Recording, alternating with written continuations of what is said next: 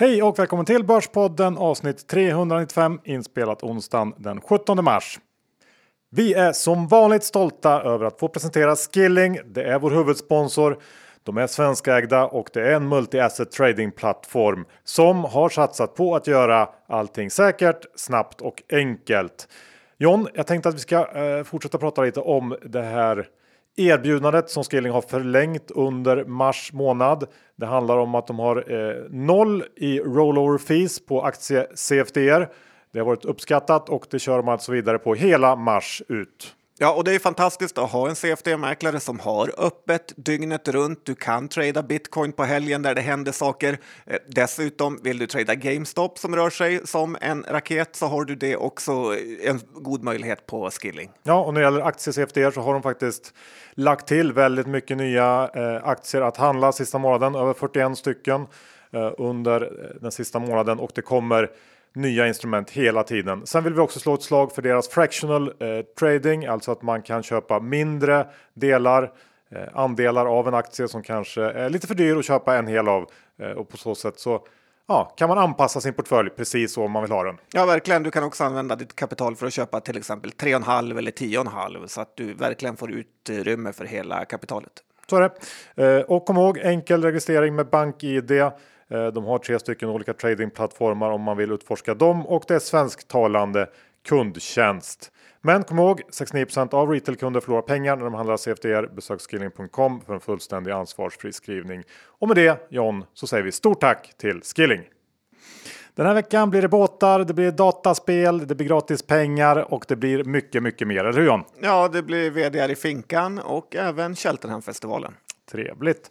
Men innan vi kör igång så har vi också ett samarbete den här veckan med Hjärt och lungfonden.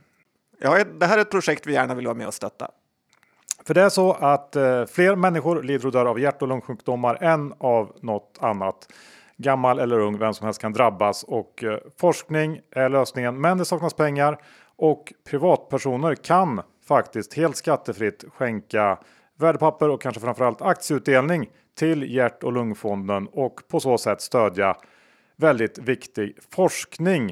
Eh, eller hur John? Ja, och det är väl det som är själva budskapet med att de är med i Börspodden. Att det är just utdelningen man kan skänka bort. Absolut.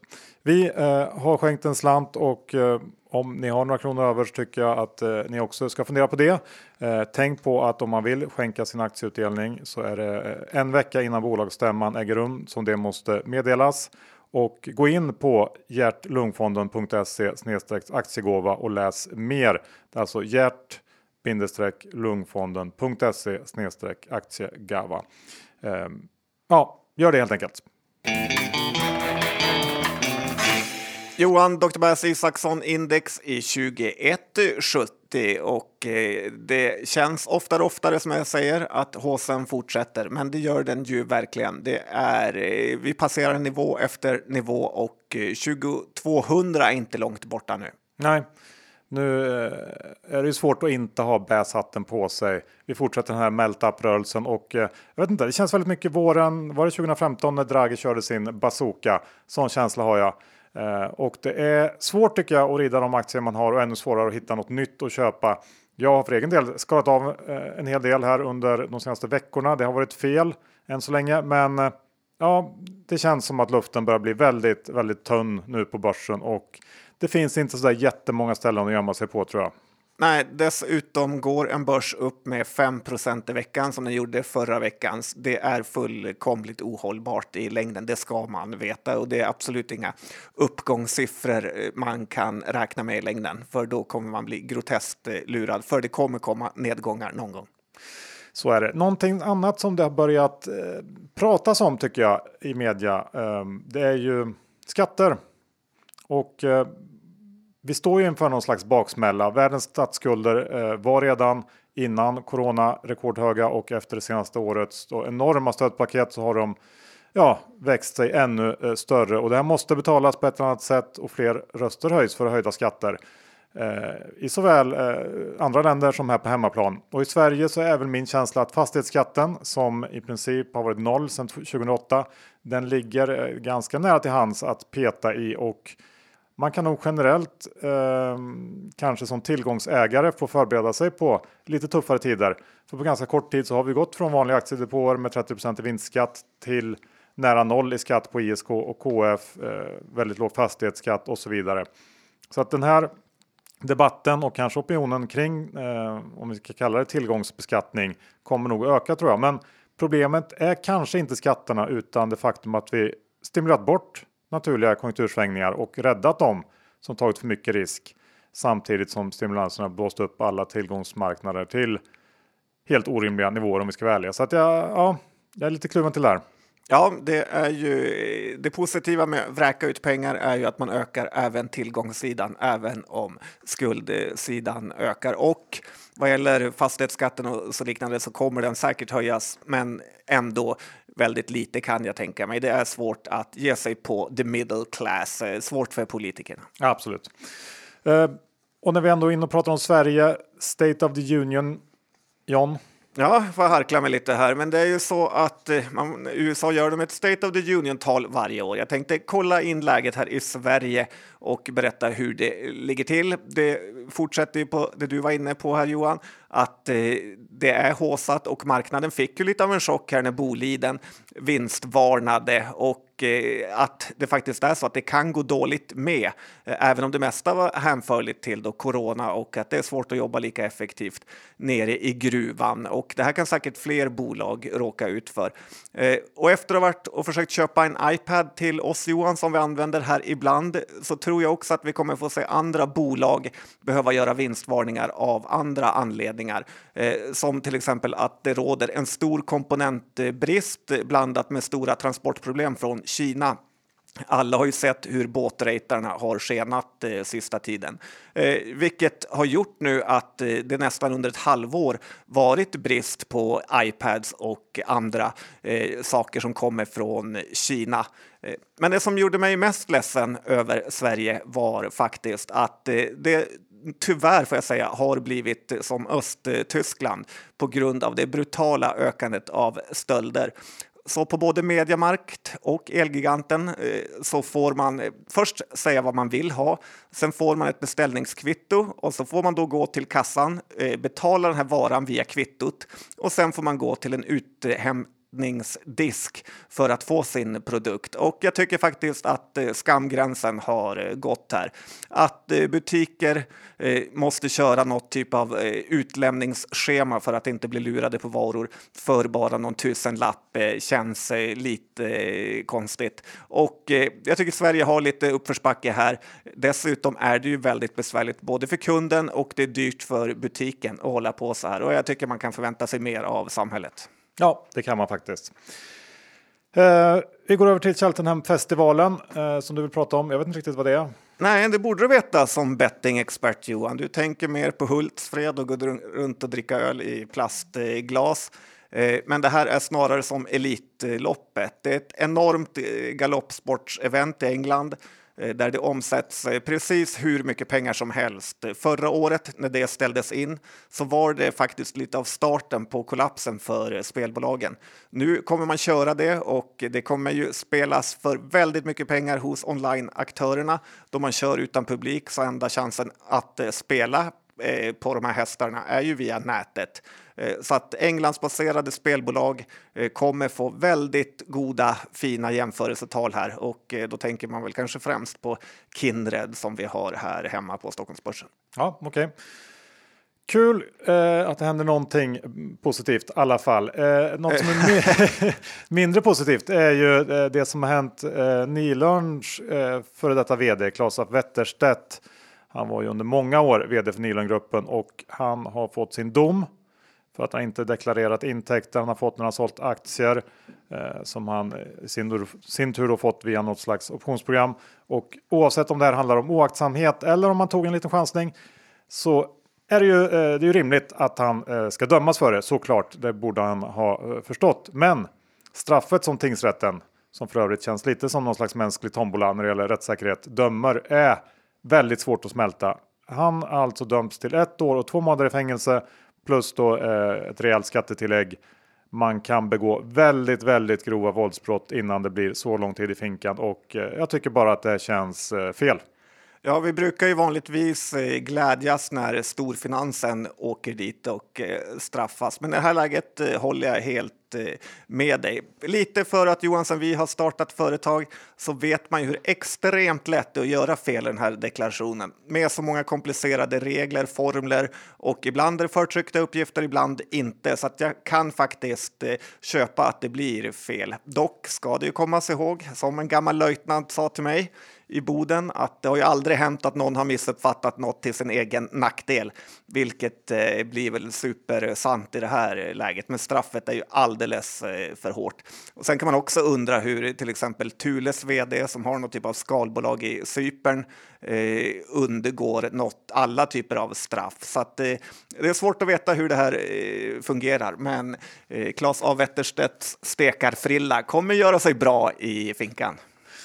Ja, det är möjligt. Um, det väljer ju in nya bolag på börsen nu. Uh, om jag ska vara ärlig så kollar jag faktiskt inte särskilt mycket på uh, de flesta av dem. Uh, men Bra av... det har en börspodd Johan.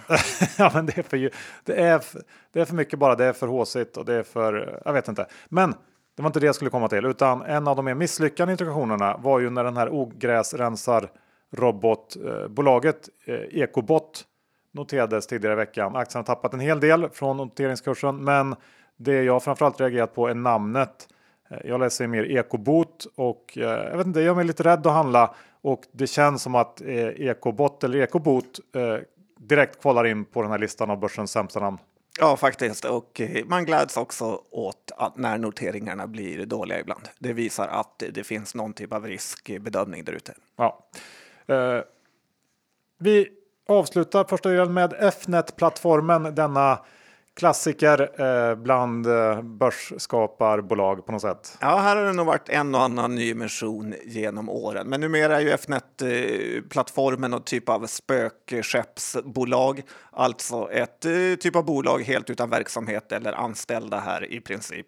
Eh, Tessin, då som ett crowdfundingbolag för fastigheter, ska ta över Fnet-plattformens börsplats och eh, här steg ju aktien då, Fnet alltså, eh, som mest över 20 procent. Och det är så här värde skapas nu för tiden, konstigt nog. Eh, crowdfunding för fastigheter är extremt stort i USA av de finansiella bloggar som jag följer där. Och jag tycker faktiskt man ska hålla ögonen öppna och läsa på lite om Tessin. Samtidigt ska man ju passa sig rejält för sådana här uppgångar som bygger på pressmeddelanden eh, och där värdet också är väldigt eh, svårbedömt på hela affären. Och det här är ju en affär i absolut krångligaste eh, laget, men den kan väl kokas ner lite till att Fnets nuvarande aktieägare får cirka 10 procent av Tessin samt att man då ska dela ut den här mikroskopiska verksamheten som Fnet fortfarande har till ett eget bolag. Och eh, jag gissar att fördelen för Tessin här är att eh, det finns både förlustavdrag och man slipper en längre och eh, kanske kostsammare noteringsprocess. Och man gillar ju när bolag är lite om sig och kring sig. Men en annan misstanke är ju att, Eh, som Charlie Munger skulle sagt, att det här är ju något som egentligen bara gynnar korpfirmerna. Men ändå kul med Tessin på börsen.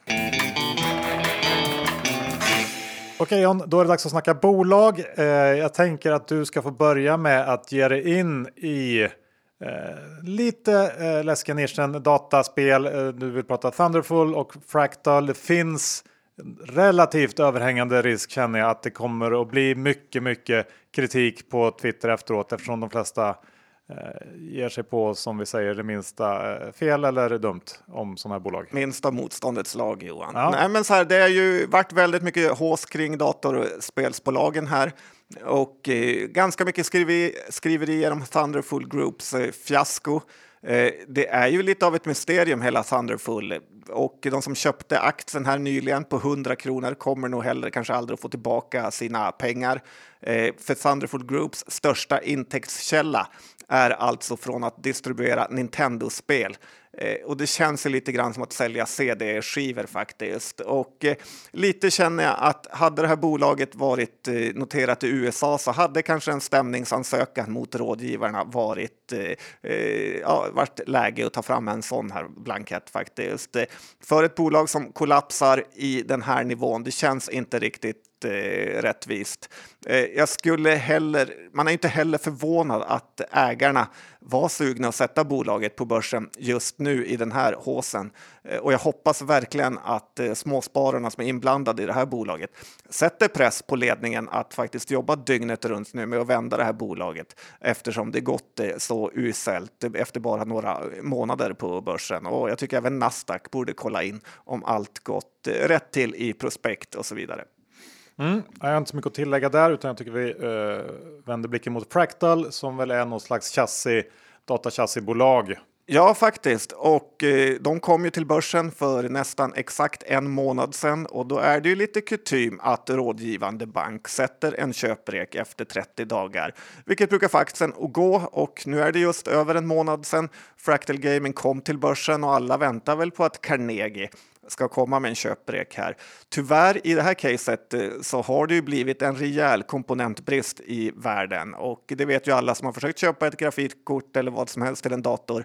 Eh, så att det skulle nästan kunna vara så att det är vinstvarningsläge för Fractal Gaming här. För Q1, det ska bli kul att se hur den blir, men det är möjligt att den blir riktigt eh, dålig här det, är möjligt att de försökt göra som Saab där som de sa att de hade gjort men inte hade gjort. Att man har delar på lager. Men den här komponentbristen kommer ju straffa sig någon gång och eh, dessutom är ju redan alla analyshus eh, väldigt positiva till eh, Fractal Gaming. Så att eh, eh, ja, med tanke på hur det gick för Thunderfulls eh, första rapport som var dålig så skulle jag vara väldigt rädd för att äga Fractal Gaming över rapport. Ja, du kan ju ha en poäng i, i just det här att det kan bli problem med eh, komponenter. Ehm, ja, det ska bli intressant att se och eh, om jag fortsätter på det spåret ehm, så har vi ju, eh, du var inne på, på stigande priser på transporter. Det har också varit kraftigt stigande priser på stål, koppar och inte minst el. Det är några exempel på insatsvaror som har uppvisat ganska rejäla ökningar sista tiden och det här kommer ju påverka en hel del bolag, eh, speciellt de som kanske har lite svårare att föra vidare prisökningar till kund. Jag har pratat med folk inom verkstadsindustrin, min klassiska channel check, som säger att eh, offerter från en del underleverantörer nu faktiskt bara gäller i några dagar på grund av den snabba prisökningstakten. Och det stod ju i DI så sent som idag eh, om hur Lindab tvingats höja priserna. Så att det här eh, händer här och nu och är väl kanske delvis relaterat till störningar eh, i och med pandemin. Men givet den här starka återhämtningen också som många räknar med under eh, senare under året så kan den här problematiken nog hänga med ett tag. Och eh, tänkte vi kan ta upp några bolag som eh, man skulle kunna tänka sig påverkas här. Eh, E-Pro eller e Electrolux Professional är väl eh, definitivt ett sådant bolag. Eh, även Electrolux eh, där det är Eh, de har stora kostnader för insatsvaror och de är exponerade mot slutkunder som själva har det rätt tufft eh, och antagligen inte är så mottagliga för prishöjningar. Autoliv är väl en annan kandidat eh, som skulle kunna drabbas och där är också förväntningarna ganska höga nu. Det finns såklart många fler, men jag skulle nog ta och fundera lite grann på risken i bolag med stor exponering mot de här kostnaderna och som kanske inte är i någon superposition för att föra vidare hela kostnadsökningen. Ehm, så det tror jag kan bli ett tema senare under året som ehm, kan vara värt att fundera igenom. Ja, på andra sidan har vi ju gruvorna som skördar stort i den här perioden. Ja, det gör de. Uh, Nimbus kom ju med rapport här på morgonen, nynoterade båttillverkaren. Ja, den var faktiskt uh, bra Johan tycker jag. Tyvärr för Nimbus så får man väl inte riktigt betalt för det nu då alla anser att eh, Nimbus är ju en sån här coronavinnare. Eh, dock så är orderboken nästan dubblad sedan förra året, eh, vilket ju kommer göra 2021 att det kommer bli ett väldigt, ja, men för att inte säga suveränt år här. Ytterligare en negativ grej är ju att riskkapitalbolaget som satte Nimbus på börsen fortfarande äger cirka 70 procent av aktierna här. Så att det finns ju en väldigt, väldigt eh, stor risk för en så kallad placing här. Eh, men totalt sett tror jag nog att man kan eh, köpa Nimbus här för att det bästa ligger faktiskt framför dem ändå. Det är billigt och jag tycker börsen känns lite överoroad. Jag har köpt en liten späckpåse nu på morgonen och kommer en placing närmsta dagarna så är jag beredd att öka. Jaha, det ser man. Ja, men du kan ju ha en poäng i att det finns en kortsiktig trade. Jag är mer skeptisk på lite längre sikt, ehm, men vi får se.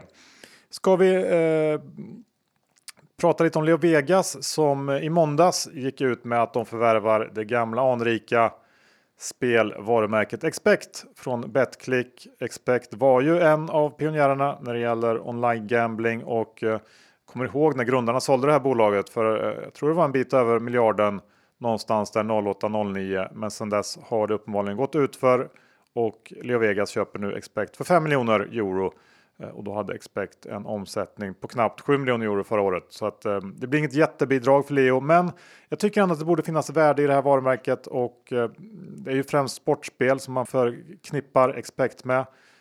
Ett område som Leo Vegas själva är svaga på så att eh, på så sätt tycker jag ett smart köp eh, och det ska bli intressant att se vad de kan göra med Expect.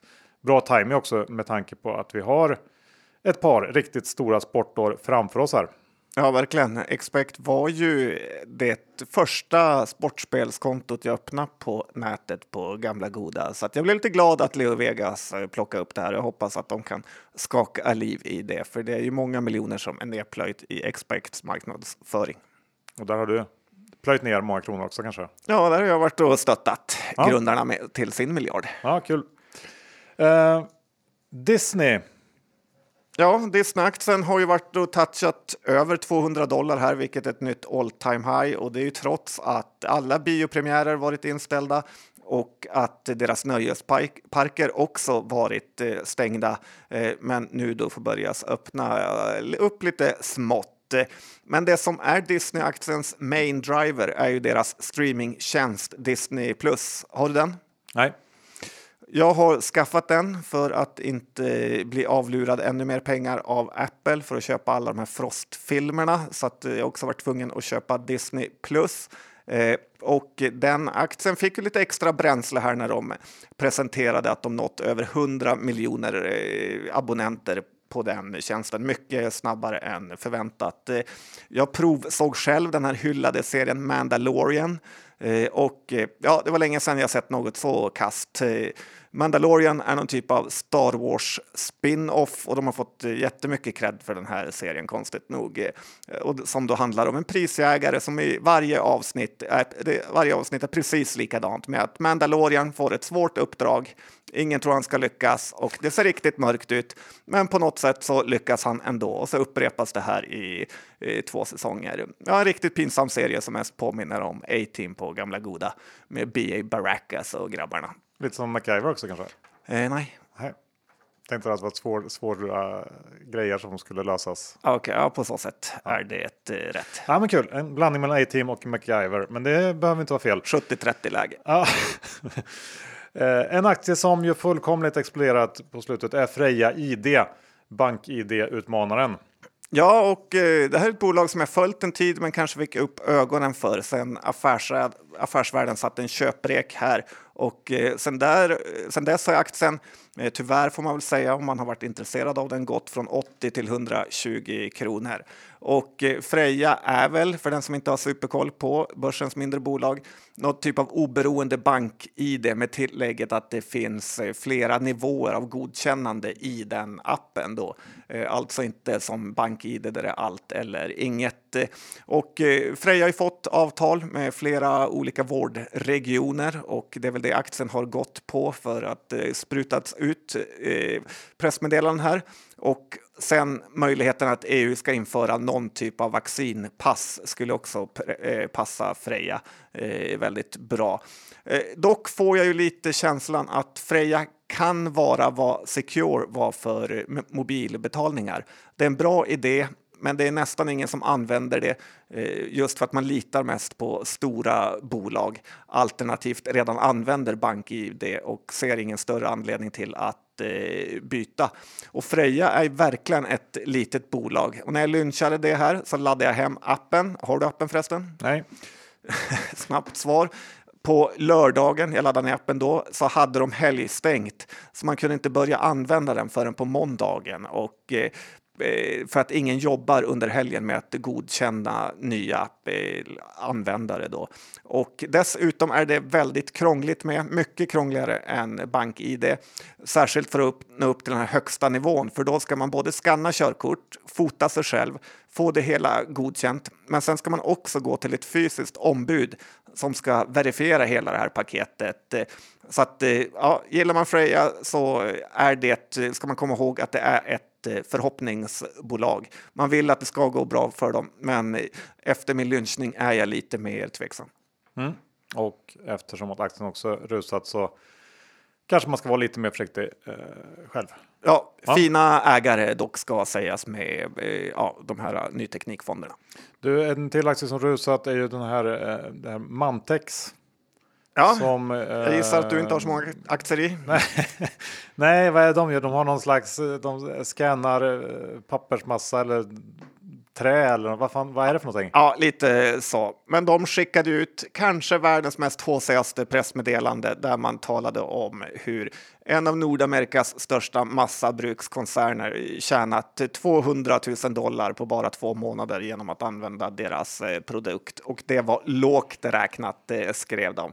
Eh, det här är ganska bra nyheter för ett bolag som innan pressmeddelandet var värt bara 30 miljoner. Men sen gick det upp flera hundra procent på det här. Eh, dagen efter så gick ju aktien också upp 40 procent, men då fick vdn själv lite, som själv undertecknat det här PMet lite kalla fötter och sa till det att man inte kunde räkna in så mycket intäkter eh, på det här och då rasade aktien 50 procent från toppen. Eh, och så här, ska vi inte bara ta bort det här, det som kallas för Certified Advisor på Nasdaq, eh, som de har då hittat på för hur man ska mjölka mindre bolag på extra pengar. Certified Advisor låter fint, men det består i grunden av en 25-årig kille i för tajt Dressman-kostym som ska vara någon typ av kontrollfunktion, men uppenbarligen ändå tillåter de bolagen att skicka ut vilka eh, PM de vill och den som köpte Mantex på 2,30 får ju visserligen skylla sig själv, men man kommer aldrig få tillbaka sina pengar. Och eh, eh man har ju egentligen köpt för det här extremt överhåsade PMet eh, som bolaget varit och skarvat eh, lite med hur bra det har gått för dem. Så att ja, certified, certified advisor, svårt att säga Johan, men det är nog också kanske därför man ska lägga ner det. Oerhört svårt ord för dig, men jag förstår vad du menar. Kan vara eh, det bästa du har sagt faktiskt flera, flera veckor. Jag håller ju helt med. Certified advisor-bolagen eh, har ju på något ganska mystiskt sätt lyckats undvika eh, att bli granskade eller ens, eh, jag vet inte riktigt, man tänker inte på att de finns. Men när du säger det så är det ju självklart att de borde vara betydligt mycket mer aktiva och eh, eh sätta stopp för en hel del eh, sådana här icke eh, nyheter eller vilseledande eh, PM. Så att eh, ja, bra och det här kan man som ansvarig myndighet börja titta på tycker jag istället för enpetare och sånt. Verkligen. Fick vi det sagt också. Sen John så har det inte hänt sådär jättemycket ändå på bolagsfronten den sista veckan. Men vi har fått eh, lite siffror från diverse retailbolag. H&M presenterar sina försäljningssiffror för eh, sitt senaste kvartal, december till februari eh, här i veckan. Och de eh, tappar 21 procent, men det var bättre än väntat och eh, under de första veckorna av mars här så ökade försäljningen med 10 procent. Eh, men det var ju också då som pandemin slog till på allvar så att jämförelsesiffrorna är ju extremt lätta och kommer så vara under en period framöver. H&M har fortfarande 900 butiker stängda på grund av pandemin. Aktien har dock gått oförskämt bra, upp runt 30 procent bara i år. Handlas nu på flera års högsta och ehm, jag tror nog ändå att nu får man börja lugna sig lite grann för hur bra H&M än kommer att komma ur eh, pandemin så är förväntningarna enligt mig väl höga här. Svårt att se något, något värde i H&M på de här nivåerna. Ja, man ser ju hur onlinebolagen, typ Zalando, eh, varit ute och håsat hur bra det gått. Det ska bli kul att se hur onlineförsäljningen fortsätter när de också har eh, butikerna. Det kanske kan bli lite win-win för H&M där, men jag håller med dig till 100 procent att eh, eh, fick man välja på att köpa eller sälja H&M här så skulle man definitivt eh, sälja. Mm, men, jag håller med dig där om att det är, det är ju ändå någonting som eh, går bra och eh, butiker eh, behövs eh, uppenbarligen fortfarande och på samma tema med just gammal retail med en hel del fysisk försäljning så presterar ju också Clas Ohlson bättre än väntat när de släppte sin Q3 förra veckan.